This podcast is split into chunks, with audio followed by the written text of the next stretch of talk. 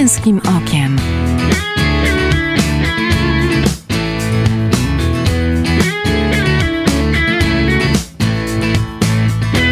Zapraszam Michał Bondyra. Życie jest jak jazda na rowerze. Żeby się utrzymać, musisz się poruszać naprzód, powiedział znakomity fizyk Albert Einstein. Słowa twórcy teorii względności to chyba dobry punkt wyjścia, by zastanowić się nad tym, jak łączyć ruch, sport z pomaganiem innym.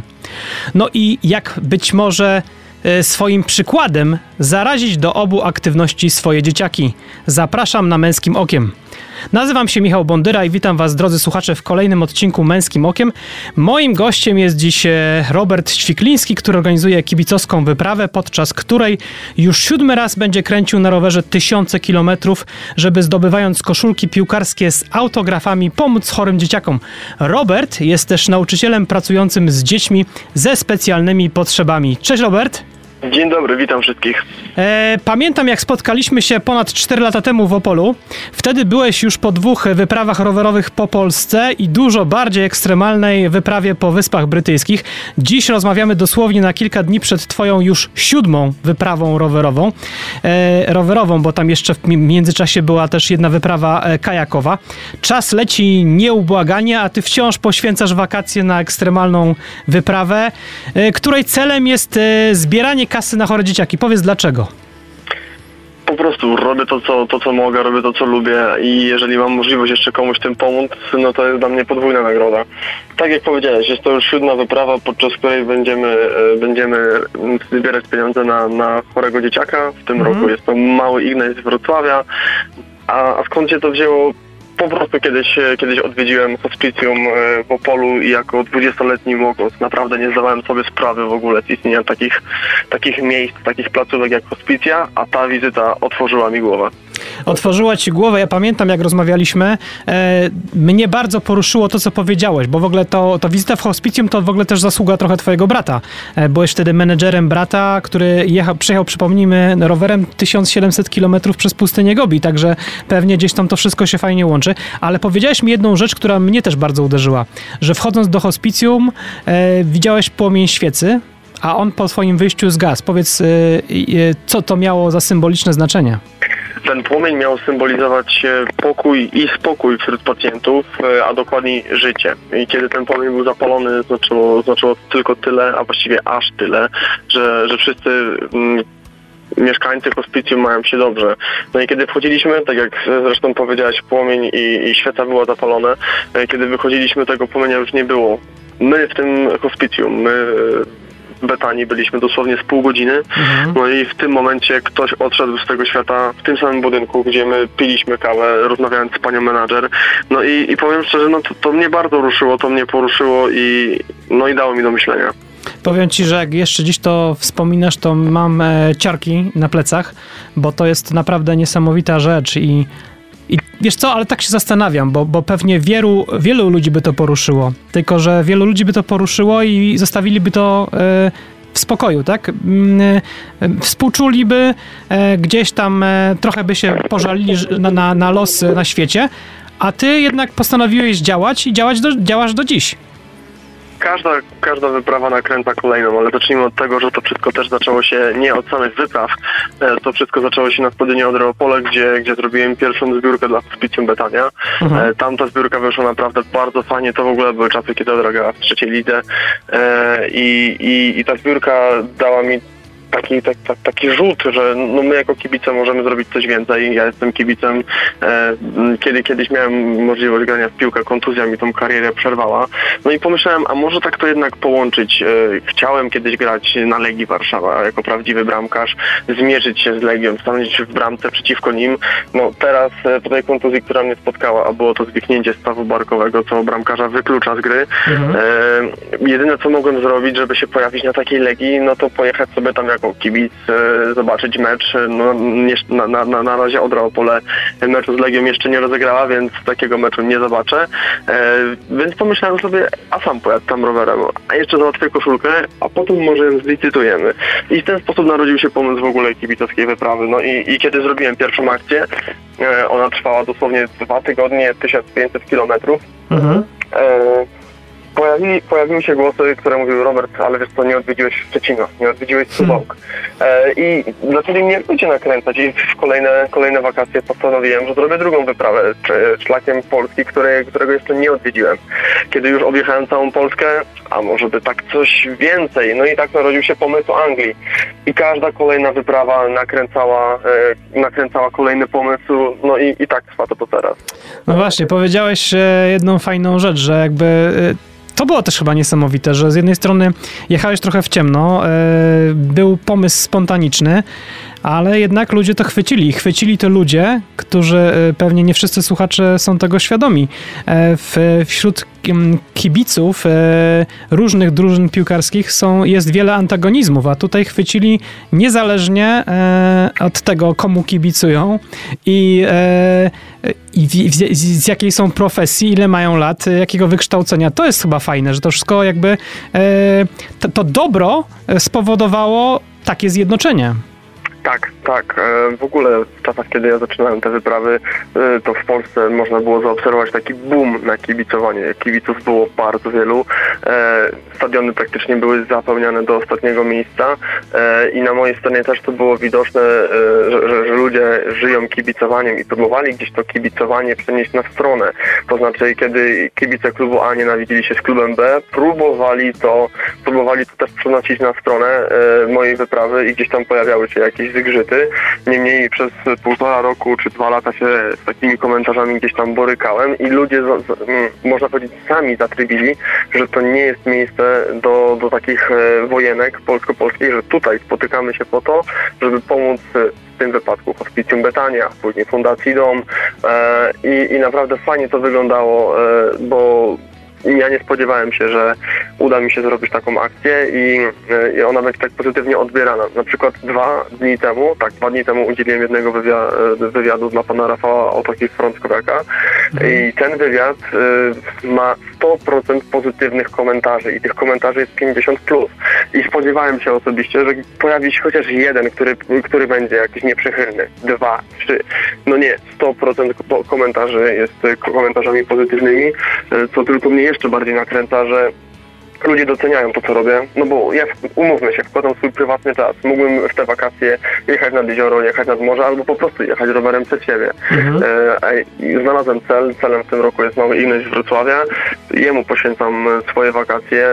Przy okazji ja też z tego bardzo wiele mam, bo e, jadę trasą wyprawy, mogę zobaczyć piękny zamek przy drodze, mogę poznać nowych, fantastycznych ludzi i te znajomości zostają mi na lata. To, są, to jest taka jedna wielka życiowa lekcja. Pozwól, że po o Ignasiu i e, o tej wyprawie w tegorocznej porozmawiamy w drugiej części, ale ja jeszcze chciałem Jasne. cię dopytać e, e, o, te, o tą historię tych wypraw, no bo tak powiedziałeś, w półtora tysiąca wsiadłeś na rower, przejechałeś pierwszą wyprawę, ale tak, e, no powiedzmy sobie szczerze, e, zwykły zjadacz chleba, który nie trenuje, no może mieć duże problemy, mówiąc delikatnie, na takim rowerze i, w, i podczas e, dwóch tygodni przejeżdżając aż tyle kilometrów. No proszę pamiętać, że ja też kiedyś byłem zwykłym zjadaczem chleba i jak zaczynałem trasę swoich wypraw, to e, przygotowania do wypraw może inaczej, e, no to po pierwszych e, 38 kilometrach ja nie mogłem wejść do swojego pokoju, który miałem na pierwszym piętrze, e, bo tak bolały mnie nogi. E, Po dwóch dniach dalej bolał mnie tyłek, więc no, to wszystko wychodziło cały czas i, i ja się też tego uczę, więc jeżeli ktoś myśli, że zrobi półtora tysiąca kilometrów po prostu wstając z kanapy, to może się przeliczyć. Niemniej jednak to wszystko jest do wytrenowania i jest to do wytrenowania, do wytrenowania do tego stopnia, że w pewnym momencie zda sobie sprawę, że to nie nogi trzeba trenować, tylko po prostu tyłek musi wysiedzieć określoną ilość godzin na tym siodełku, żeby się przyzwyczaić. No właśnie, tak e, zliczyłem tylko twoje wyprawy po Polsce 4,5 tysiąca kilometrów, to ja tak się e, e, śmieję, że, że tyle, tyle kilometrów w ciągu roku często kierowcy nie wykręcają samochodem. Ostatnia wyprawa, którą robiłem po Polsce w 2018 roku miała dokładnie 5111 kilometrów. Mhm. E, I gdzieś zmierzyłem sobie odległość Lizbony na mapach. Z Lizbony do Moskwy jest 4400. Ja przejechałem jeszcze 700 kilometrów więcej. I to zrobiłem podczas jednej wyprawy. Poświęciłem całe wtedy wakacje. Całe dwa miesiące kręciłem kilometry rowerem dla domu dziecka w Szklarskiej Porębie i ten wyczyn e, został naprawdę bardzo nagrodzony, bo zakładałem 100 tysięcy złotych dla domu dziecka, udało się zebrać 108, więc naprawdę wyszło świetnie. E, kupę pieniędzy i rzeczywiście, które idą w dobre ręce. E, powiedzmy jeszcze o tym. E, mówiliśmy o tym kibicach, o tych antagonizmach, ale też wiem, że kibice sami we własnym gronie potrafią się doprowadzić do porządku, jeśli ktoś na przykład coś ci obieca, nawali, prawda? Tak też, e, tak też się zdarzało. Miałem tak właśnie podczas, e, podczas drugiej wyprawy, gdzie e, jechałem z miejscowości Olsztyn do Ełku i już miałem określoną trasę. To był bardzo długi odcinek, to już też była zaawansowana część mojej wyprawy. Już byłem wtedy bardzo zmęczony i na, na wielkim zmęczeniu miałem jeden z dłuższych odcinków trasy, 150 km. Byłem bardzo dociążony, bo dostałem mnóstwo tych koszulek. Rower prowadził się naprawdę bardzo ciężko, a objeżdżanie w ogóle jezior, no to to jest, e, to się wiąże z wiatrem, to się wiąże z tym, że droga nie idzie po linii prostej, tylko się te jezioro, tak jak już wcześniej wspomniałem, objeżdża, więc Mhm. kilometraż się zwiększa. E, napisał do mnie jeden kibic, który gdzieś tam e, zaproponował mi koszulkę, zaproponował mi nocleg i mnie wystawił. No i skończyło się to tak, że, że kibice z, z okolicy nadrobili tę całą, te, te, te całe fopa. Koszulkę przekazali mi inną, odebrali mnie, odebrali mnie i za, za, zagwarantowali mi nocleg, więc no, nie jechałem na marne. E, no i, i to naprawdę też jest to jest specyfika tej wyprawy, że no, jeżeli klub A bierze w tym udział, to klub B tym bardziej chce wziąć udział, ponieważ no, jego lokalny rywal bierze udział, to co, my nie weźmiemy udziału? No pewnie weźmiemy. Taka pozytywna nobilitacja, ale też pamiętam, jak wspomniałeś e, kiedyś, jak rozmawialiśmy, że e, dziewczyna miała koszulkę Gerarda dla ciebie w Anglii i Mhm. żeby dostać autograf, czekała z nią aż 9 godzin, prawda? Tak, to prawda.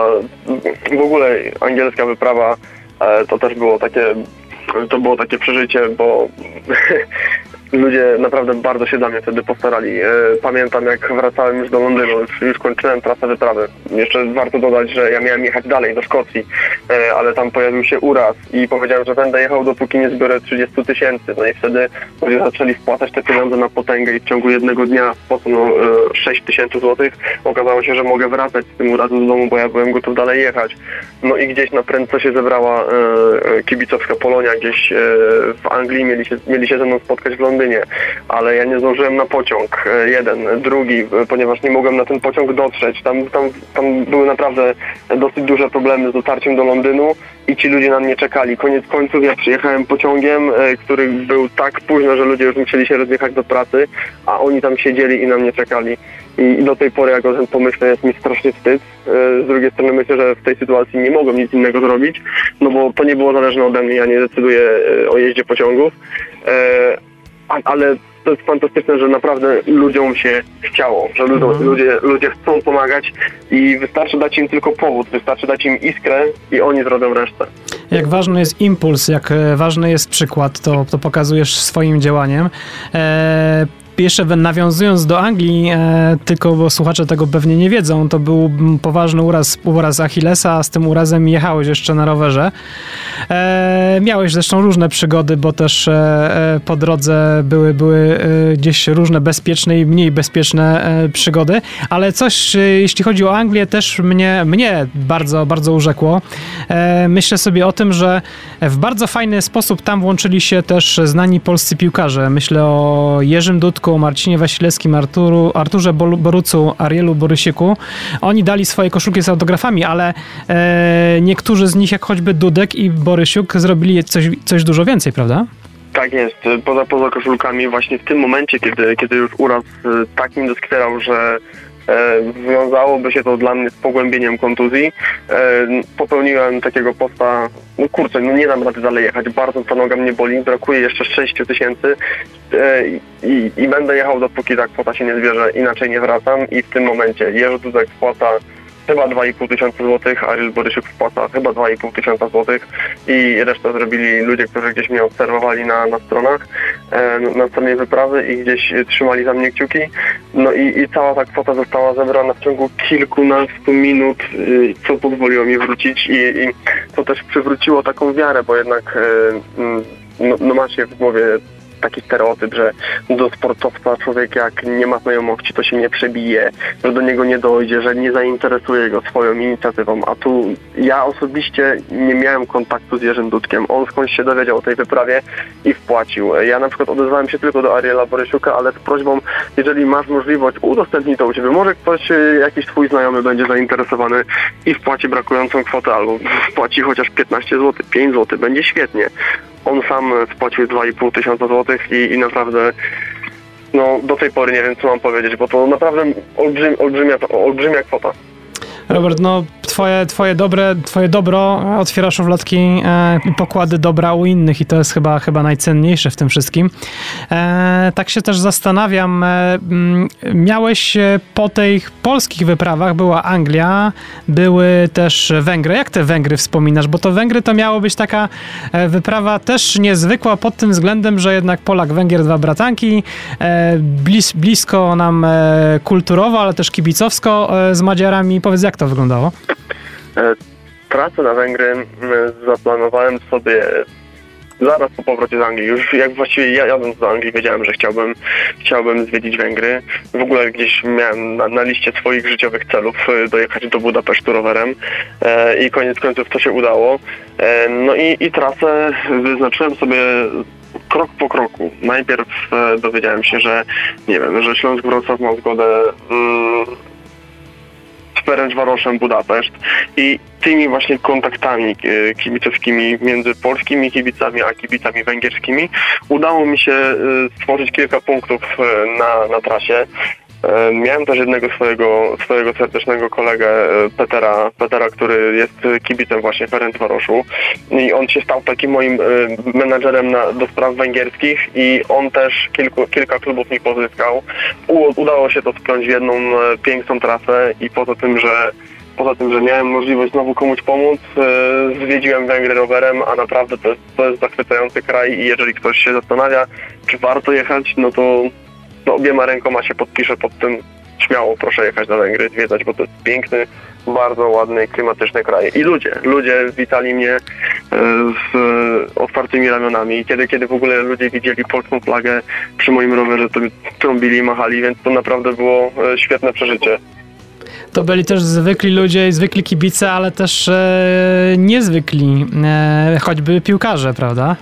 E, tak, piłkarzy też udało mi się kilku spotkać, no i no między, między innymi Gabor Kiraj, czyli postać od słyn, słynna postać od szarych dresów. E, Gabor zasłynął tym, że od małego e, bronił w szarym, zwykłym dresie Mhm. i, i, kiedy, kiedy dowiedziałem się, że jest zainteresowany w ogóle, żeby, żeby się spotkać, żeby przekazać mi taką koszulkę, e, przepraszam, te swoje podpisane dresy, no to ja już nie mogłem, te, tego dnia jak otrzymałem ten telefon, nie mogłem zasnąć. E, Gabor, Gabor się ze mną spotkał, ale e, kibice Haladaszu e, Sombate zrobili mi taką, takiego małego psikusa, powiedzieli mi, Robert, wszystko fajnie, przejechałeś kupę kilometrów, my załatwiliśmy ci spotkanie z Gaborem Kiraj, ale żeby w ogóle dostąpić tego zaszczytu, musisz się napić naszej w domowych warunkach wytworzonej palinki, a palinka to nic innego jak taki lokalny bimber. No i proszę, proszę sobie wyobrazić, że tego dnia przejechałem około 130 kilometrów w słońcu, na patelni i, i, i słyszy się coś takiego. Ale ja nie dam rady, przecież jak ja wypiję taki kieliszek, to mnie zabije. E, kiedy wypiłem ten jeden, już byłem szczęśliwy, że, że, że już to jest za mną, a oni powiedzieli, Robert, druga noga. I, i, I nie zapomnę tego, jak, e, jak właśnie rozmawiałem z Gaborem, e, to ten, ten trunek troszeczkę mnie zmęczył i on się mnie zapytał, jak droga? A ja byłem w stanie tylko powiedzieć, bardzo dobrze, dziękuję bardzo. I, i tak mnie załatwili. Ja chciałem, ja chciałem wypaść jak najlepiej. Przygotowywałem się do tego spotkania.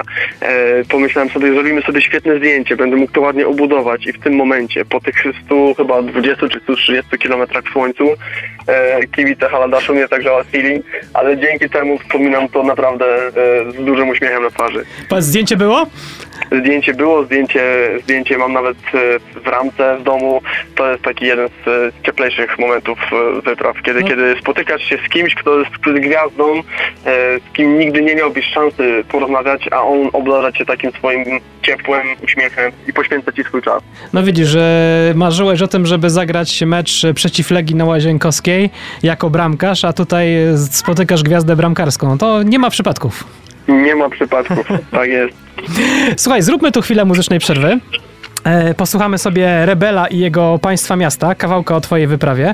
E, Po przerwie e, z Robertem Ćwiklińskim porozmawiamy więcej o siódmej kibicowskiej wyprawie, która już za pasem. Wracamy po kilku minutach. Zostańcie kochani z nami. Męskim okiem.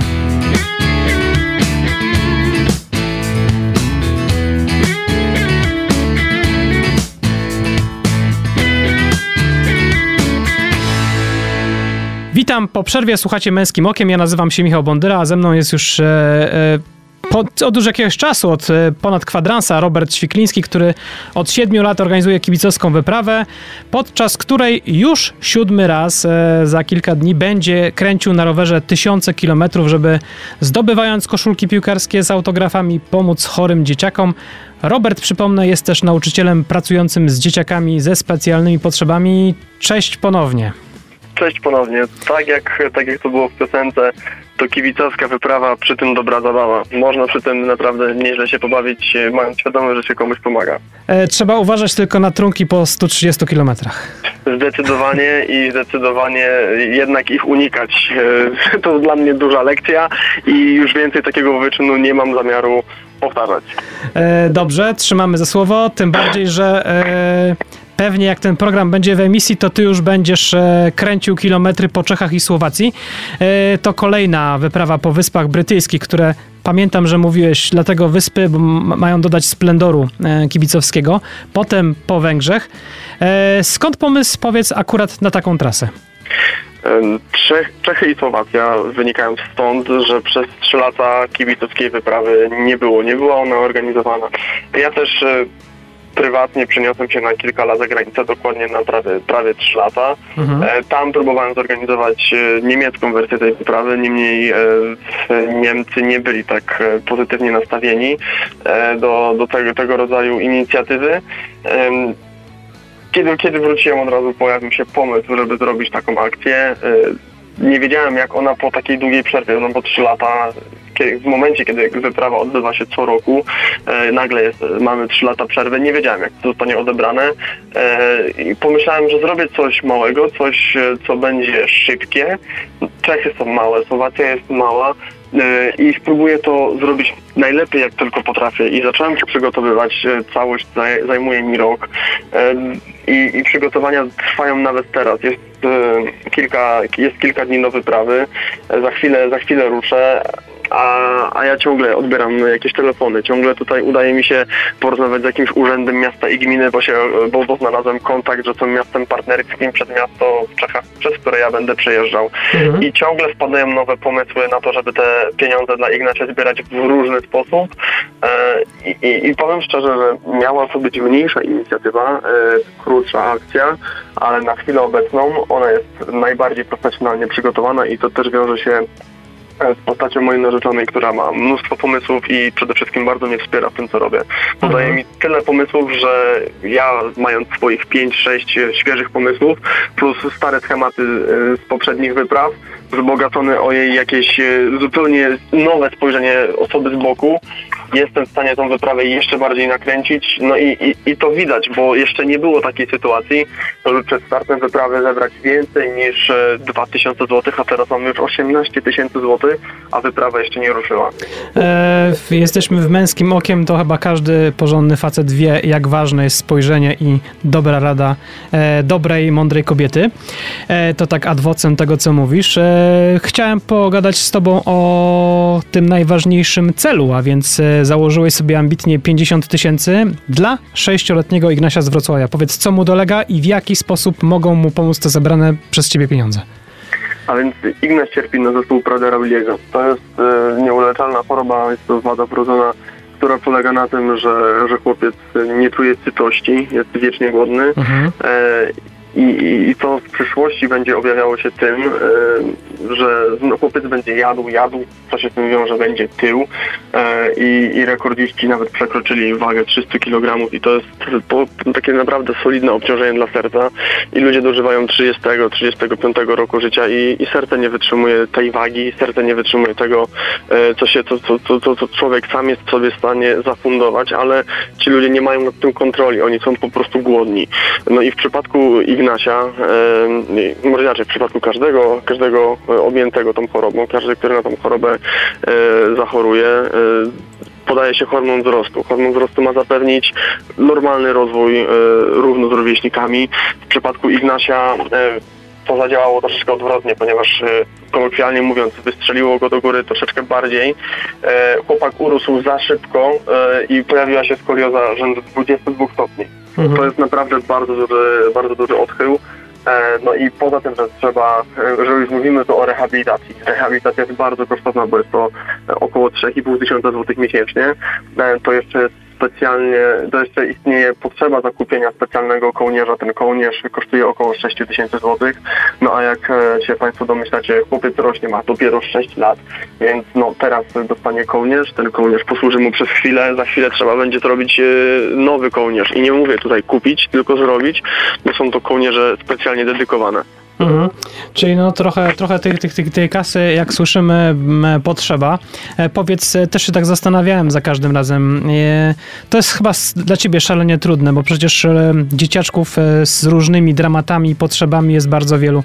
Jak wybrać akurat tego jednego i mieć z tyłu głowy, że nie pomożesz na przykład wszystkim albo i innej osobie? Odwrócę to, odwrócę to pytanie. Raz miałem taką sytuację i tak będzie łatwiej mi na nie odpowiedzieć, Mhm. e, że chciałem nakręcić wyprawę dla fundacji e, Kawałek Nieba. Znalazłem e, fundację, w której, której szefostwo, zawie- wszystko, wszystko robi jedna osoba. To mi bardzo zaimponowało, więc pomyślałem, że w ten sposób będę działał i poprosiłem panią o przygotowanie mi celu wyprawy, kto jest najbardziej potrzebujący. E, No i wtedy pani mi powiedziała, panie Robercie, ale ja nie będę za pana wybierać. Ja nie chcę mieć, e, ja nie chcę mieć takiej spra- sprawczości, że temu pomożemy, a temu nie Mhm. pomożemy. E, I, I wtedy ja musiałem wybierać, bo zawsze robiłem, wszystkie poprzednie akcje były dla, dla konkretnej fundacji. Umawialiśmy się, że na przykład w Betanii będą to materace przeciwodleżynowe, a na przykład w Fundacji Dom będzie to wkład na busa, którym dzieciaki będą mogły jeździć, na wkład własny. Teraz jednak znalazłszy taką, znalazłszy taką fundację, pomyślałem, że no, może zrobić to dla konkretnego dziecka. I tu pojawił się problem, bo dla dziecka, które jest w hospicjum, no nie da się zrobić takiej akcji jak moja. E, to zabrzmi brutalnie, ale tak to fizycznie wygląda. Ja mm, promuję tą akcję, nakręcam e, ludzi e, do, do startu wyprawy przez prawie rok. A dzieci w hospicjum może się zdarzyć tak, że, że dziecka z hospicjum następnego dnia już nie będzie z nami. Mhm. Więc e, trzeba wybrać cel, ja muszę wybierać takie cele, e, które są, em, które, no to, to bardzo, jest mi to ciężko powiedzieć. Mam, muszę mieć pewność, że po prostu dziecko, dla którego to zrobię, będzie miało korzyść z tego e, i tak, tak jest w przypadku, e, tak jest w przypadku Ignasia. Dzie, dzieciak będzie miał naprawdę z tego dużą e, korzyść w postaci rehabilitacji. E, do tego tutaj łączy się, łączy się to z takim, z tak, taką edukacją ludzi, bo nikt e, z których, ze znajomych, których mam, nie słyszał w ogóle o chorobie Pradera Williego, e, więc jest to też powiązane z taką edukacją społeczeństwa. E, Dzięki temu może więcej osób dowie się o, o takim, o takim schorzeniu. Może ktoś się zaangażuje w, w wolontariat e, fundacji. Zachęcam, polecam, e, no a tak jak pytasz, czy jest to ciężkie, no w moim przypadku jest to bardzo ciężkie, bo chcesz zrobić wyprawę dla kogoś, dla którego będziesz e, tą akcję nakręcał przez cały rok, więc no to twój wybór musi być dobry. Mhm. Twój wybór musi być dobry. Mówisz, akcja przez cały rok trwa. E, tak doprawnie w kilku słowach powiedz, e, co musisz przez ten rok przygotować? Ale wszystko, wszystko. Jeżeli jadę, jeżeli jadę za granicę, no to przede wszystkim e, i, i nie znam tego języka, odzywam się do domu tłumaczeń, piszę do nich maila, czy są w stanie przetłumaczyć mi maila na język węgierski, tak jak to było wtedy. E, łapię sobie pierwszy kontakt, e, rozmawiam z kimś i mówię, wiecie co, no chciałbym to zrobić na szerszą skalę. Czy znacie kogoś? Kogo moglibyście mi polecić, żeby się odezwać? I w ten sposób tworzę sobie punkty. Z tych punktów tworzę trasę. Później staram się pozyskać patronów medialnych, co w tym roku szło mi bardzo opornie. E, później do tego staram się zebrać sponsorów, tak żeby w ogóle móc ruszyć. E, mm, więc całych tych wszystkich działań promocyjnych jest naprawdę bardzo dużo.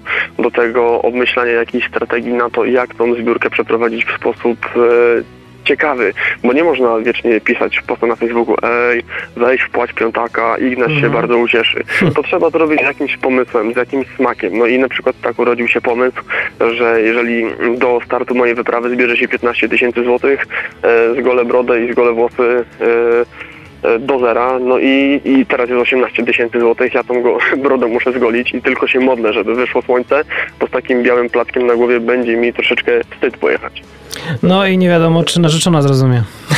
narzeczona to, to, to, to w pierwszym momencie była załamana, ale z drugiej strony cieszymy się, no bo e, w momencie, kiedy ja e, wpadłem na ten pomysł, mieliśmy na koncie e, zbiórki Ignacia 12 tysięcy złotych, a teraz jest e, 18 tysięcy złotych, więc 6 tysięcy cały e, tydzień z hakiem. Naprawdę to jest olbrzymia robota i bardzo dziękuję za wszystkie wpłaty. Patrz, jak wiele osób chce zobaczyć ciebie łysego.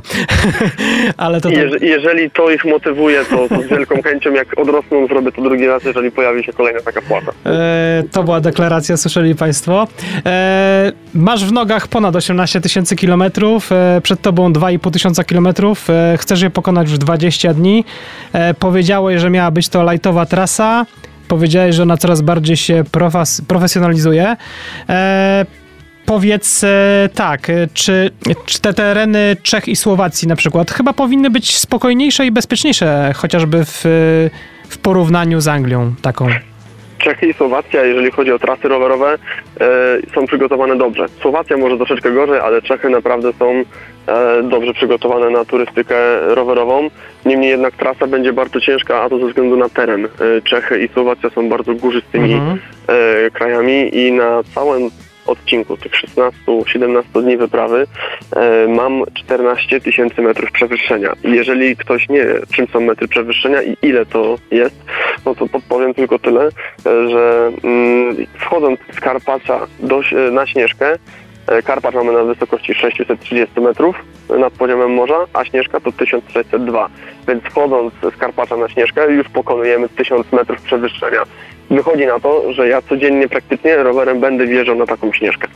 E, imponująco brzmi. Powiedz, jak się do tego e, wy- wysiłku przygotowałeś w tym roku? biegam, biegam ultramaratony, więc buduję sobie e, przód uda, mięśnie czworogłowe oraz łydki. No i, i zimą bardzo dużo jeździłem na trenażerze, więc e, zadbałem też o tył ud. No i kiedy pojawiło się e, wiosenne pierwsze e, słoneczko, od razu rower z tego trenażera zabrałem i, i po prostu zacząłem jeździć. No nie ma innej metody niż, niż jeżdżenie, żeby przygotować się do, do wyprawy. Mówisz o przygotowaniu się poprzez jazdę. Jaki ciężar, myślę o rowerze, sakwach, pewnie też namiocie będą musiały dźwigać twoje nogi podczas tej wyprawy? Zawsze tak robiłem, że zabierałem namiot. Na, na przykład na wyprawę angielską czy węgierską miałem ze sobą specjalną przyczepkę na jednym kole. E, Teraz z tego zrezygnowałem. E, Teraz poszedłem w tak zwany bikepacking. Polega to na tym, że na rower zakłada się e, olbrzymią ilość sakw, dodatkowego sprzętu, tak żeby wykorzystać każdy milimetr ramy rowerowej do maksimum. To poszedłem w tym roku. Mam nowy rower na ramie aluminiowej i to pozwoli mi ten rower troszeczkę bardziej obciążyć. E, Całość e, myślę, że razem z rowerem będzie ważyć około 40-45 kg, bo też takie jest założenie, że e, rower nie może ważyć więcej razem, razem z jeźdźcą niż około 120-125 kg. Mhm. Czyli to jest potężne kilo, kilogramy, które musisz, e, które musisz e, kręcić nogami. Powiedz, mamy wciąż jakieś utrudnienia związane z pandemią koronawirusa? Czy z tymi dodatkowo sprawami musiałeś się mierzyć? I drugie od razu w, związane z tym pytaniem, czy nie boisz się, że ludzie przez te różne ograniczenia, lockdowny trochę e, mm, poschodzą bardziej sceptycznie do takich relacji twarzą w twarz. Mm, powiem tak, bardzo, inaczej, wiele się zmieniło w ciągu ostatnich kilku dni. Od 9 lipca Czechy wprowadziły ograniczenie, które polega na tym, że osoby mogą wjechać do kraju, jeżeli są dwa tygodnie, co najmniej dwa tygodnie po drugiej dawce mhm. e, szczepienia. No moja narzeczona jest po pierwszej dawce i właśnie czekała na drugą dawkę, e, więc e, gdzieś mój, moje założenie, mój plan, żeby ona mnie tam zawiozła, no niestety już nam nie wypali e, i teraz próbuję to jakoś obejść. Albo sam pojadę i zostawię rower gdzieś, e, przepraszam, samochód gdzieś w Czechach, mhm. E, albo poproszę kolegę Czecha, też Piotra, żeby mi, żeby mi w tym pomógł, żeby zawiózł mnie do Pilzna, skąd będę startował. Tak więc no już same restrykcje covidowe dosyć mocno pogmastały sprawę. E, no, odpowiadając na drugą część Twojego pytania, no to mam przygotowany sprzęt e, ochrony osobistej. E, mam sponsora, który się tym zajmuje, mam przygotowane maseczki, mam przygotowane żele antybakteryjne, także na spotkania z Czechami jestem, jestem już przygotowany. Trzeba też doczytać kilka rzeczy prawnie, bo u nas wystarczy maseczka.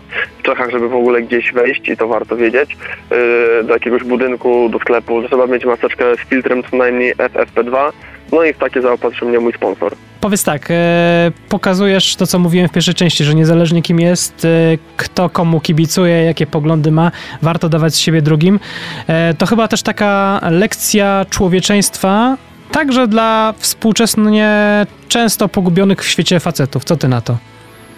Oj, ruszyłeś, poruszyłeś bardzo ciężki temat. Akurat jestem po, po, po ciekawej lekturze w tym temacie. Mhm. E, no i, i domyślam się, że chodzi ci o jakiś kryzys męskości, tak. który, który, gdzieś się, który gdzieś między nami facetami e, jest obecny i on naprawdę jest. To jest, to jest bardzo złożone zagadnienie, więc wydaje mi się, że ciężko byłoby mi odpowiedzieć na to pytanie jednym zdaniem. E, niemniej jednak no, no my jako faceci przebywamy w bardzo sfeminizowanym świecie, kiedy od najmłodszych lat idziesz do szkoły, trafiasz na przedszkolankę. Nauczyciel, nauczycielką jest pani. E, jest pani. E, praktycznie wszędzie przebywasz w otoczeniu kobiet. I na przykład, kiedy jesteś w szkole i jesteś młodym chłopcem, przeżywasz jakieś największe emocje, a nie ukrywajmy, chłopcy w wieku, nie wiem, 5 do, do 8 lat są troszeczkę bardziej wrażliwi niż dziewczyny, często bardziej płaczą, często więcej płaczą bo nie mają tej męskiej ręki, która, którą mógłby powiedzieć, nie wiem, ja jako nauczyciel teraz pracowałem w oddziale przedszkolnym, mhm. no i miałem takie sytuacje, gdzie widziałem, że chłopiec się po prostu popłakał o totalnie abstrakcyjną rzecz, która dla mnie w tym momencie była abstrakcyjna. Niemniej jednak e, inaczej jest, kiedy weźmie go facet na bóg i powie chłopaku, to jest normalne, że płaczesz, takie rzeczy się zdarzają, e, a co innego jest, kiedy, kiedy podejdzie do tego kobieta. E, wydaje mi się, że po prostu kryzys, kryzys męskości w dzisiejszych czasach to jest zagadnienie bardzo złożone i trzeba na nie spojrzeć już od tych najmłodszych lat. Masz rację, że trzeba spojrzeć od najmłodszych lat, ale ja tutaj pytałem też o inspirację tym, co ty robisz. Myślę, że to też tak można z tyłu głowy dać do myślenia e, facetom i jak może też budować relacje ze swoimi synami, jak łączyć sport e, z tym, że się pomaga. No rację, przepraszam, zagłębiłem się, bo pomyślałem o tej książce, którą przeczytałem okay. i, i tak bardzo wkręciłem się w tą odpowiedź, że zapomniałem, że pytałeś o moją wyprawę, przepraszam. E, no tak, e, wyprawa z synem, no nie ma chyba lepszego, e, lepszego spędzenia czasu niż wspólny weekend z ojcem. Ja sobie bynajmniej tak wyobrażam, tak, chciałbym spędzać weekendy z moim ojcem, wsiąść na rower i się z nim przejechać, albo mieć możliwość chociaż spędzenia z nim kilku dni sam na sam wziąć rower, przejechać się, wziąć ze sobą namioty, e, kurczę, ja sobie nie wyobrażam innej drogi. Jeżeli będzie dane mi mieć syna, e, no to na pewno tak będę robił, że zabiorę go na jakiś męski wypad, weekend rowerowy, Mhm. e, postawimy namioty i to nie będzie wyprawa, to nie będzie wyprawa do Czech. Najbliższą wyprawę, czy najfajniejszą wyprawę możemy zrobić nawet w naszej gminie, w naszym powiecie, pojechać nad strumyk, e, rozbić namiot gdzieś na jakiejś łące, pokazać dziecku to, że naprawdę można się bawić świetnie w naszej okolicy. Mhm. No to będzie, nie będzie tak jak mówisz, wyprawa daleko, tylko będzie wyprawa w głąb waszych relacji. Zdecydowanie, świetnie to ująłeś. Dzięki serdeczne. Dziękuję za ten czas, bo wiem, że jest bardzo napięty przed przygotowaniami. E, Życząc powodzenia, byś przejechał Czechy i Słowację i uzbierał pieniądze dla Ignasia, nawet więcej niż sobie założyłeś. E, dziękuję Ci za tę rozmowę. Ja również bardzo dziękuję za możliwość wypowiedzenia się, to, to naprawdę bardzo wiele dla mnie znaczy. E, Z Robertem Ciklińskim rozmawialiśmy e, o kibicowskiej wyprawie, którą już po raz siódmy e, Robert organizuje i przebędzie.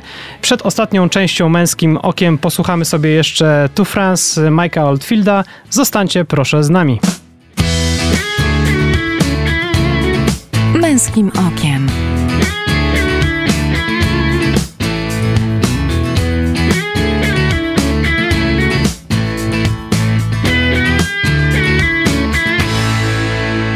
Witam po przerwie. W Męskim Okiem zapraszam na felieton.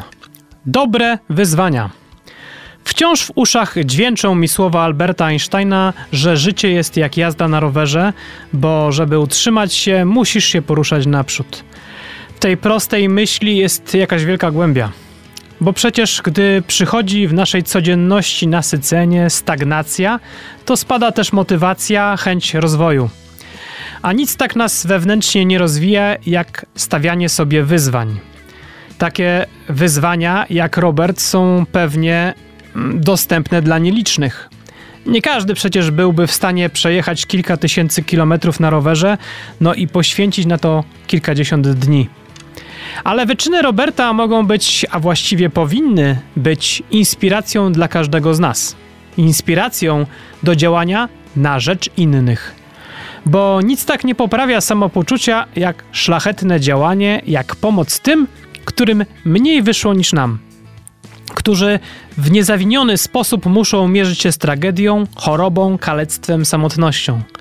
Może spróbujmy znaleźć pomysł na to, żeby połączyć swoją aktywność fizyczną z pomocą takim osobom. Ta pomoc może być drobna, a nasze wyzwania wcale nie muszą być spektakularne. Warto też do tego wyzwania włączyć nasze dzieciaki. Niech wiedzą, że wspólnie z tatą należy zaangażować się w coś dla innych i że to zaangażowanie może przynieść radość nie tylko obdarowanym, ale i nam samym. Tej radości Wam, drodzy słuchacze, serdecznie w te wakacje życzę. Za dzisiejszy odcinek Męskim Okiem dziękuję realizujący program Eryk Kotys i mówiący do Was te słowa Michał Bondyra. W Męskim Okiem słyszymy się za dwa tygodnie. Męskim okiem.